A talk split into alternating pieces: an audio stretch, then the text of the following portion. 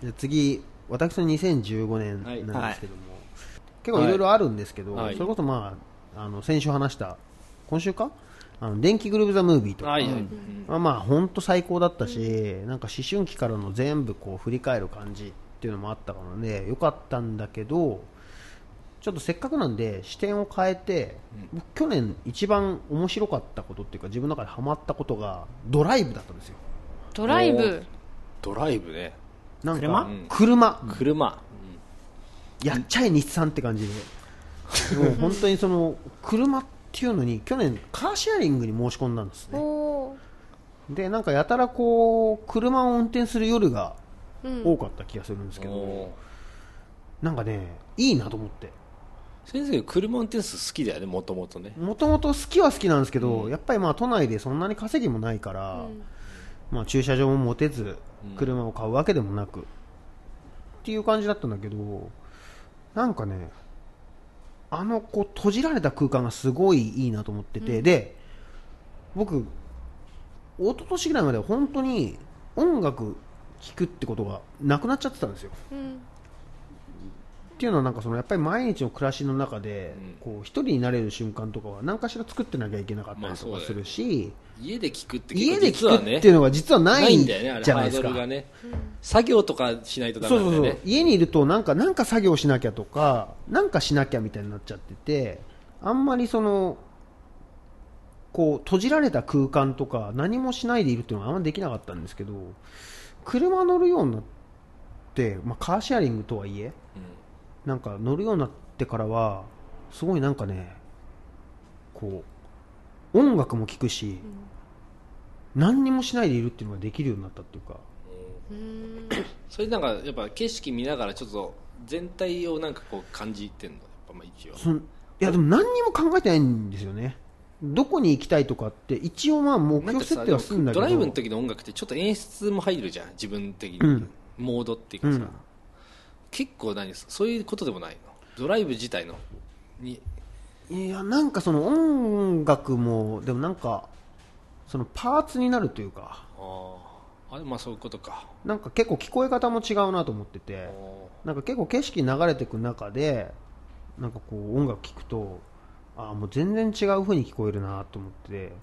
でそうじゃないと入ってこないものが結構あるなと思ってで僕らの世代とかだとあんまりもうその車マイカー特に都内とかにうん。住んでると、マイカーを持ちたいっていう幻想もうないじゃないですか、うん。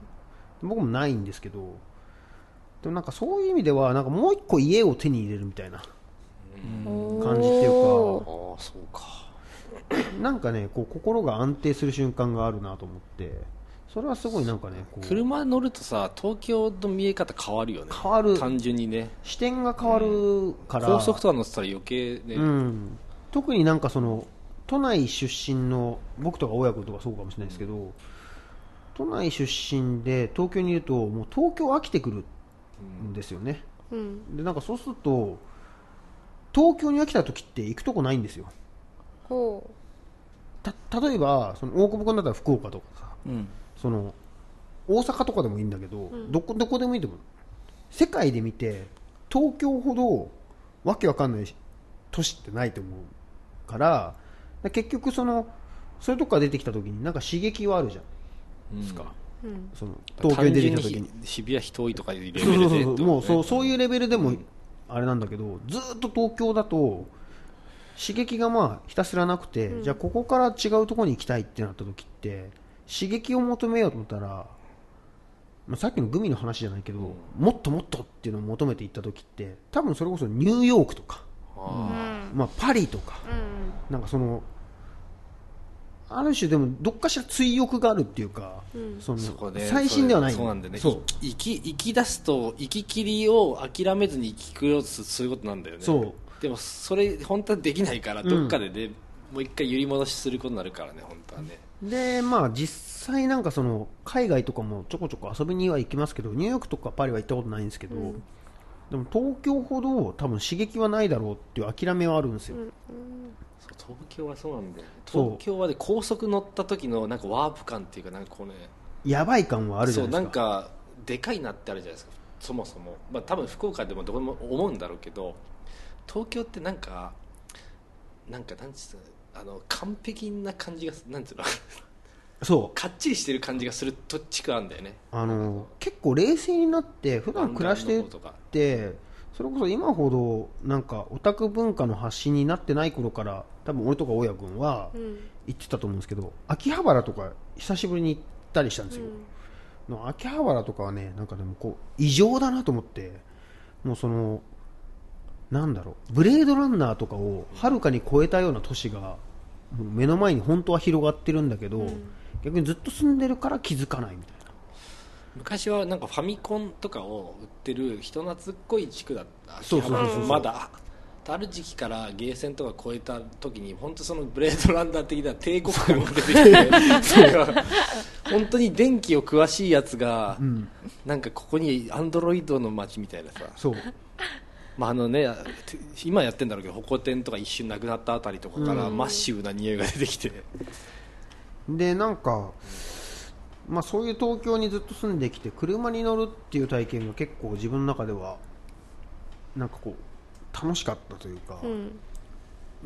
車の中ってなんかそのそのどこでもないっていうかうん。その自分の空間のままでああ、そうだね、そのどこでも行けるみたいなのがあって割となんかその車いいなっていうのが今年結構でかかったかなと。そのおかげでなんかじゃあ新譜買おうとか新譜を聞くだけで車乗ってられるとかそういうのは結構ありましたね。車乗った時が一番ナチュラルに聞きたいもん聞こうとするかも、実は。あそうね、うん、なんか。それは本当そそんな気するレね。コーディングとかやってるとね絶対ううん。車でチェックするけどね。あそうそうそうそうそう。福岡の時はもうなんだろう逆にもう必需品やけんさ、うん。俺10生活に？そうしなきゃダメ19からもうマイカー持っとったしさ。あそうなの？なんか普通に大学生が自分の車持っとるし。ある意味まあなんだろう。結構普通の感覚でそうやった。ドライブもよう行くし。さわ結構東京はもう分かりましたよね普通にね。分かるでしょ？分かるよ。ね当たり前だけど。はい何何言ってるかっていうと、俺も俺は別に毎回持ってないんだけど、うん。本当まれに何か行って帰りに東京乗った時まだ時間あるから、うん。レンタカー返すのいろいろ走ったらさ例えば六本木赤坂麻布渋谷青山ってさ実は超近いじゃん全部。近い。なのにさ全部一個一個別の地区みたいになってるから、うんこの近さでこんだけ分かれてるっていうインストールされてる脳は何なんだろうみたいななんかトライブすら分かれてると思ってるじゃん実は。でも全然近いじゃん全部。でさ逆に世田谷とかさあ中野とか、まあ、世田谷と中野は遠いけどあっちの方が遠いんだよ。なんかそそういうなんていうの都市的なそう。なのにあっちあの渋谷と六本木の近さに気づいた瞬間に、うん。なんかゾッとする感じでしょ？全部全部この辺で回ってんのかとか思うと、うん。なんでこんなアドマチック天国別の街みたいにやってんだろうみたいに思う、うん。あなんかあれがなんかマジックだ東京マジックだよね。でなんか逆地にそれはもしかしたら、その差をつけるわけじゃなくてずっと東京で子供の頃から暮らしてきててでなんかその東京にも飽きてきちゃった。っうんていう感じはあると思う。ああそこはああいう感じでしょっていう。行ったことない街はまだまだいっぱいあるんだけど、うまあ主要都市とかはもう絶対行くしその渋谷、新宿とか、ん。池袋とか。で、まあ、あそこはああいう感じとかこことここの道がこうつながってるとか全部分かってて。で東京に飽きてきた時に東京生まれで育ってきた僕らはどこに行ったらいいんだろうなってそのモチベーションロスというか、うーん。そのそうあれねやっぱ不思議なもんでね足立区とか江戸川区行っただけで旅行館出んて出るんだよね。超近いのに。そうそうそうそうそう荒川越えただけでそう分かる分かる。わかるでしょ。でも吉祥寺とかは全然そんな感じないないんだよね。なんかね変なん、まあ、住んだ地区もあんだけどそう。でなんかそのあれ変なんだよね。東京でずっとやってきて東京に飽きた僕たちはこうどこに行ったらいいんだろうっていうのはすごいテーマなの。自分の中でここ数年。東京に飽きた挙句にその言語の壁を変えて、うん。越えてそのじゃあニューヨークパリに行けばいいのかって言ったらそんなことなくて。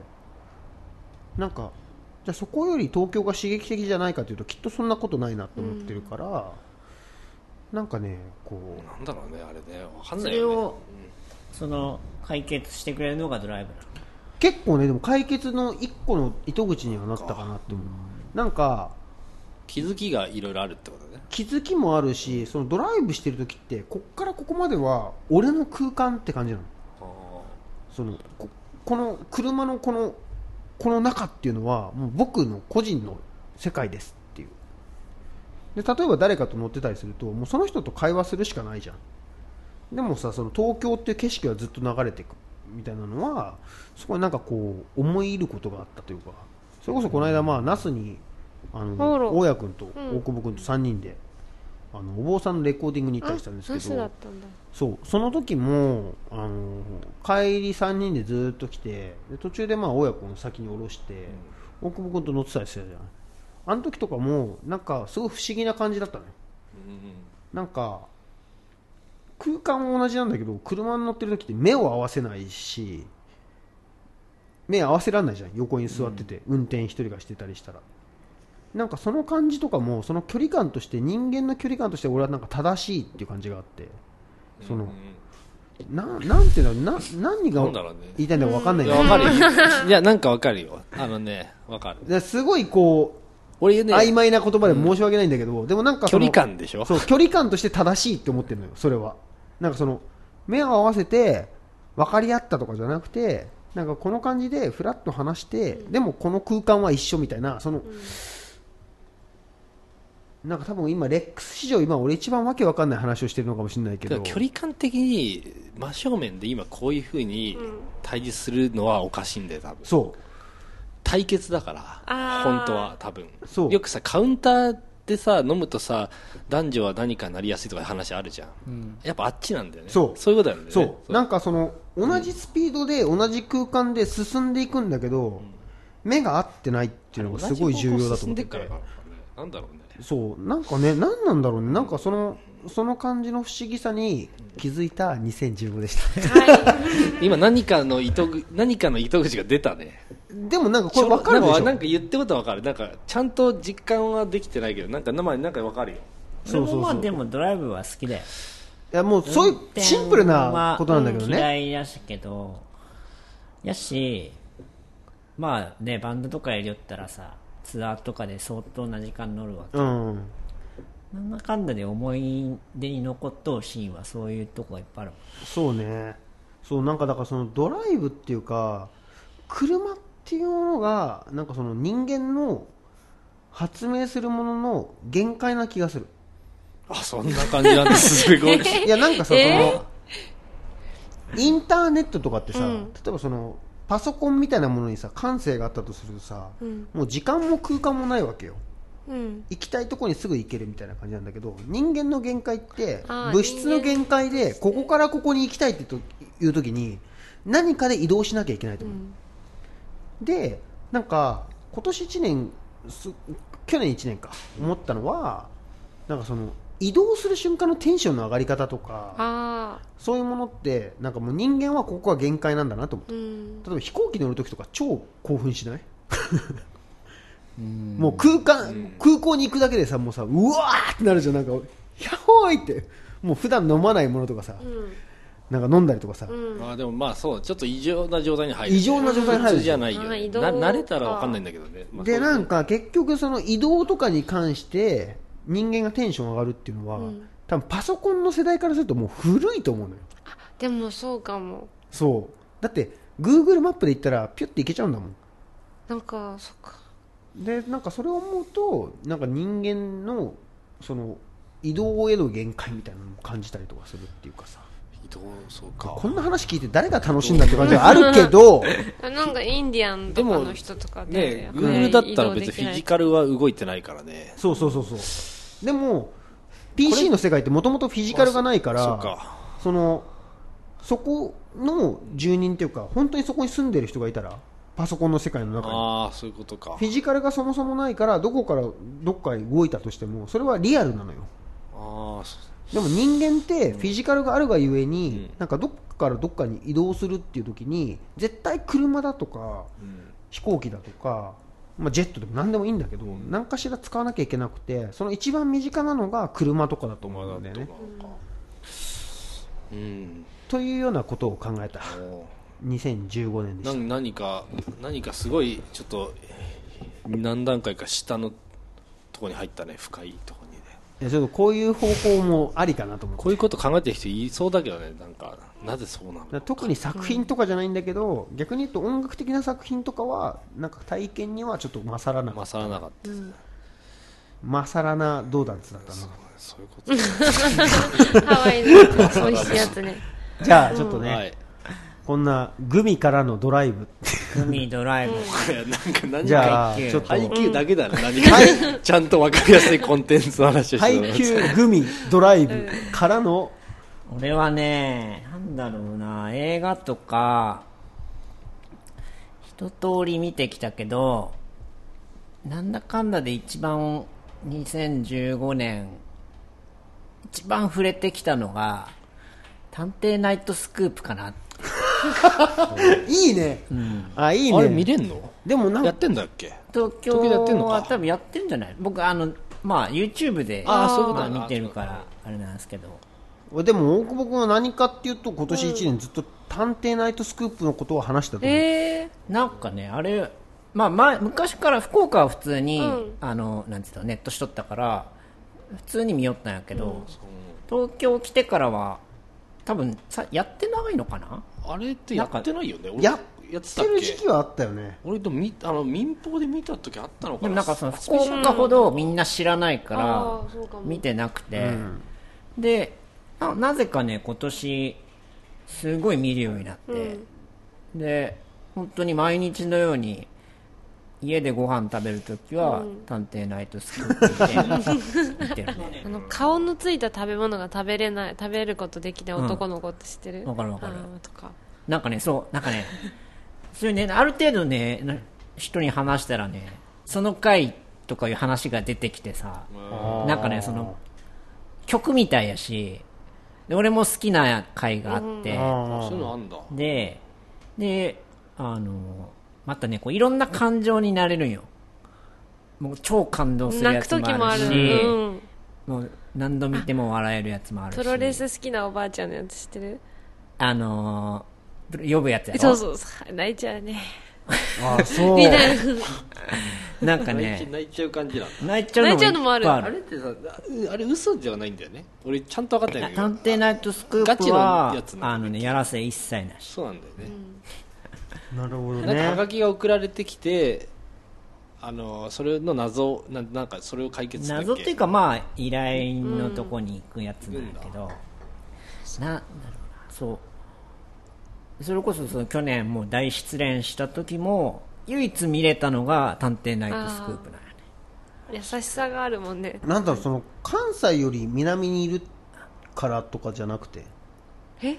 その山木さんだとそのご実家がああそうです。実際住んでたかどうかは別としても、まあ西の方とかのテイストがあったりするじゃん。まあ帰省した時に見るっていう、まあだからその関西関東の実際さ、そういうなんつうの好き嫌い？関西の人は東京が嫌いとかさ東京の人はちょっと大阪を毛嫌いするとか、そういう感性はあんま俺分かってないからそういうのがあるんだとしたら分からんけど、単純にねあのもうまあ大体1本1 2 3分なんよ。13分ぐらいのね、こうまあ、ショートショートをいっぱい本当映画みたいなよね、あれってコメディ一応そのなんか取材行ってるとこはか関西なの？大体関西。でいやあのー全国行くわけ？福岡どこでも行く。東京とかもある時東京もたまにあるよ東京の人とかは多分多分多分東京やってないと思うんじゃんね、ああそうだからそれもあるのかもしれない DVD だったりとかで見て依頼だけする人とあーそういうかことか、そうかなんかでもねもう一回ねおすなんか DJ とかやりたいもん。あそう。あのなんてベストセレクション？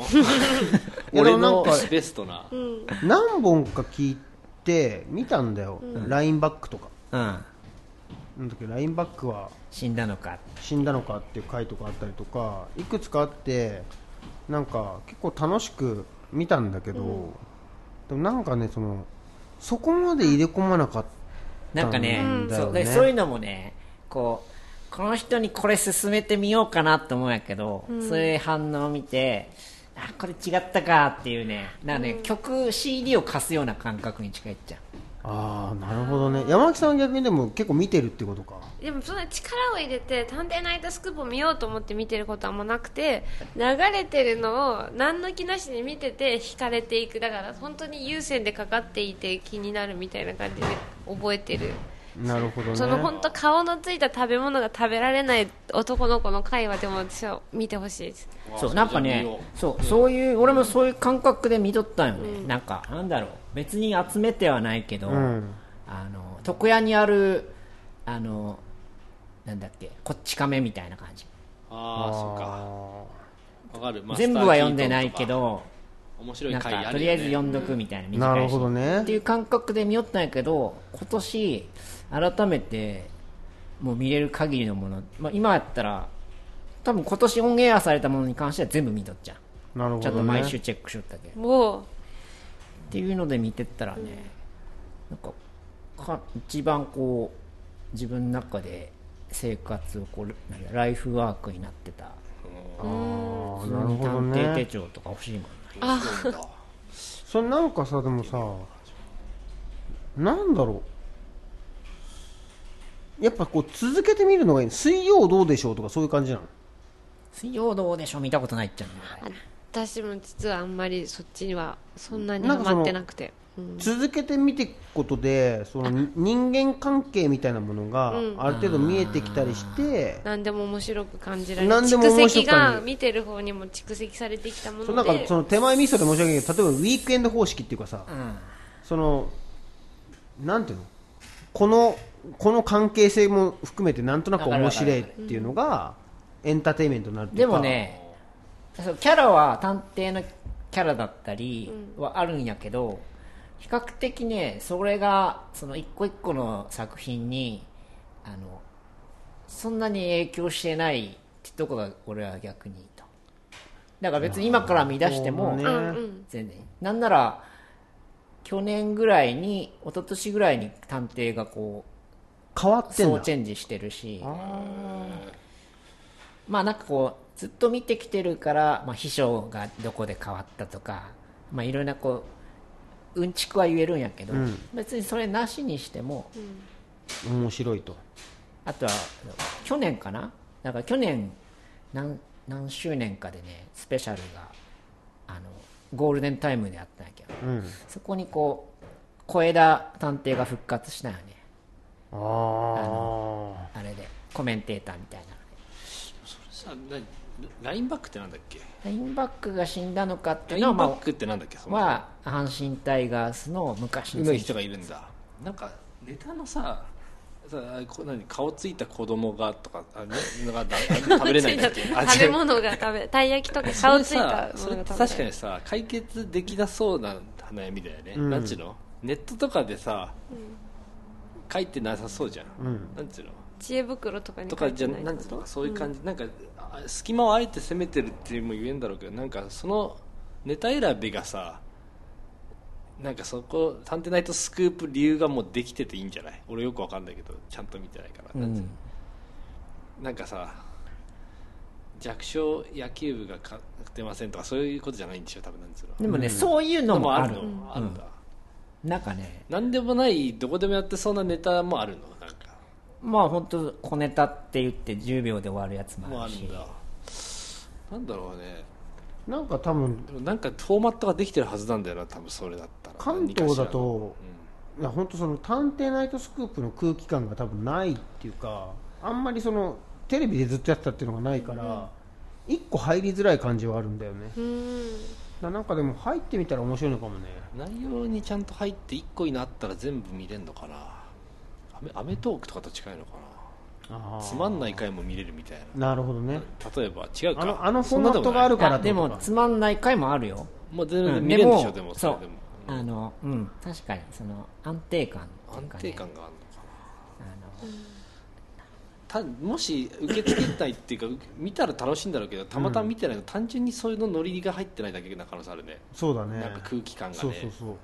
でもなんか一回入っちゃうと面白いのかも。最近水曜どうでしょうとかさ再放送見てんだけど、なんか全然最初なんかクソ見てたなと思ってウィーケンドのツアーの方が面白いわと思ってたんだけど だけどなんかその見てるうちになんかその友達感覚になったり身内っぽとかく身内っぽくそうそうそう気分そうが身内になると楽しめるっていうのはあるなと思ったから地域地域にそういうのはあるのかもしまあそれれないね、そうそうだね。ね。距離はあるんだよね。きっとね。俺水曜どうでしょうとかはあれってほ北海道のやつでしょ？北海道。やっぱり福岡でやりよったけどなんかもう北海道のなんか面白い人たち？そうそうローカルヒーローだって思ってなんか見らん。やったもんね。そうだよねそれはあるのかもそういうなことか。探偵ナイトスクープも東京の人からするとじゃあ「探偵ナイトスクープ」この視聴者の皆さんにおすすめしたいベスト3は？うベスト3えー、泣くのは泣くのはっていうか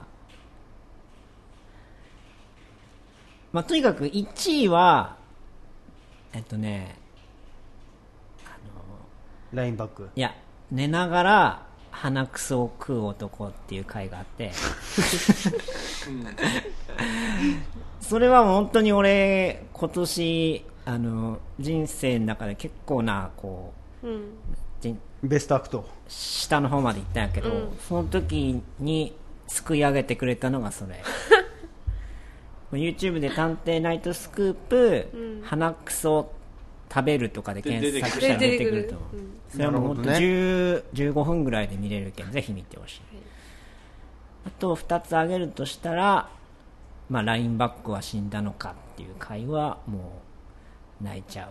泣いちゃう。でもこれはやっぱね潜水君があんま反応せんやったぐらいやから、うん。まあ人によると思う、古いしこれは。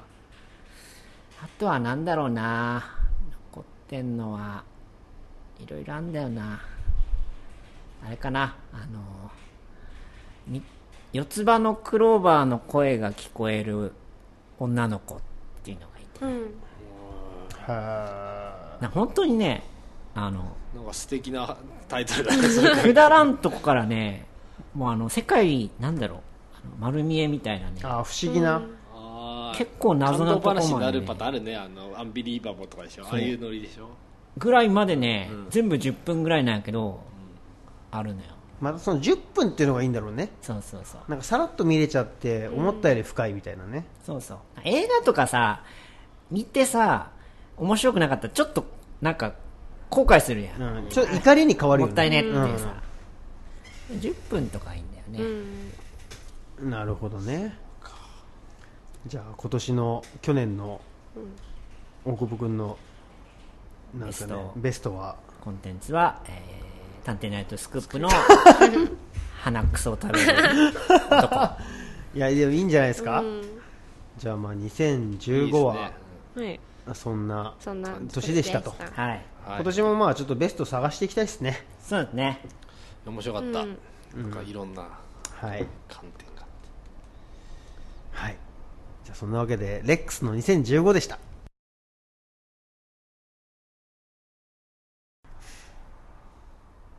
MC モニカの自由形」2016俺たちは変わらなきゃいけない。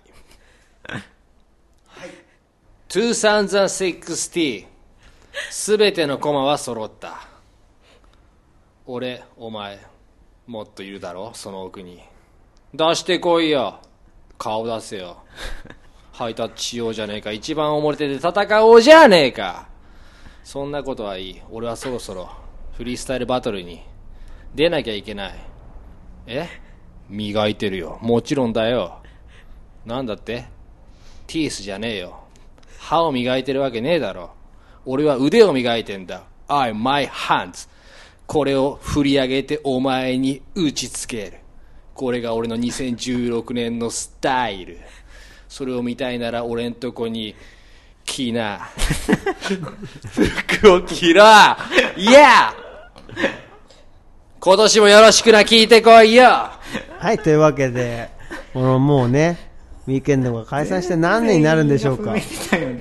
そんなこといいっていうパターンありますよねなんか今やあのあの頃の輝いた MC モニカというキャラクターはこのコーナーのためにあるようなキャラクターになりましたね。マイクフリースタイルダンジョンとか出ればいいんじゃない今俺送ってっけど採用されねえんだよ。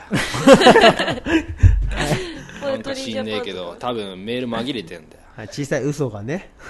嘘じゃねえよ。送ってんだよ。でちょっと今日はでもそのね、その採用されない鬱憤をね、そうだよ。生でやってくれるってことなんで、そうだよ。鬱憤だよ。ちょっと今日今気分どうですか？鬱憤それをガソリンに8分。分って何？興奮。それを横目で見る女プンプン。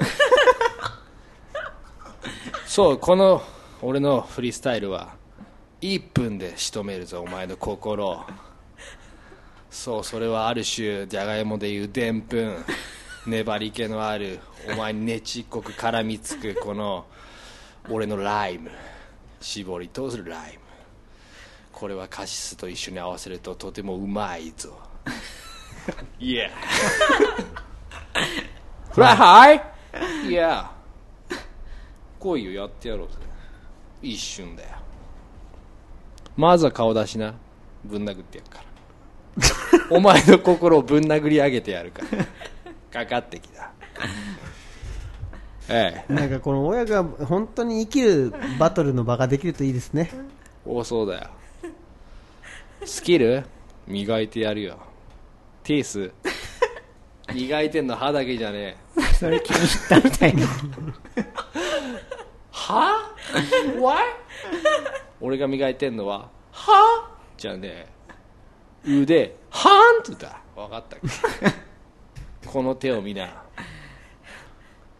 聞いてくれフリースタイル2016モニカえーそれでは、えーサテライト光一の新曲です。えー聞いてください。Take it to the longest world.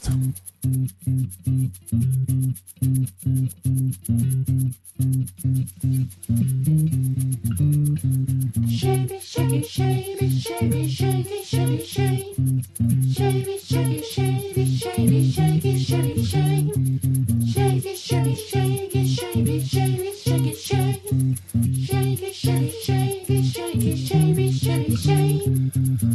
今宵はソウルドアウトした後君のもとにすぐ駆け寄れるかも熱い体のコロコロでとるけ玉のような小さい舞台が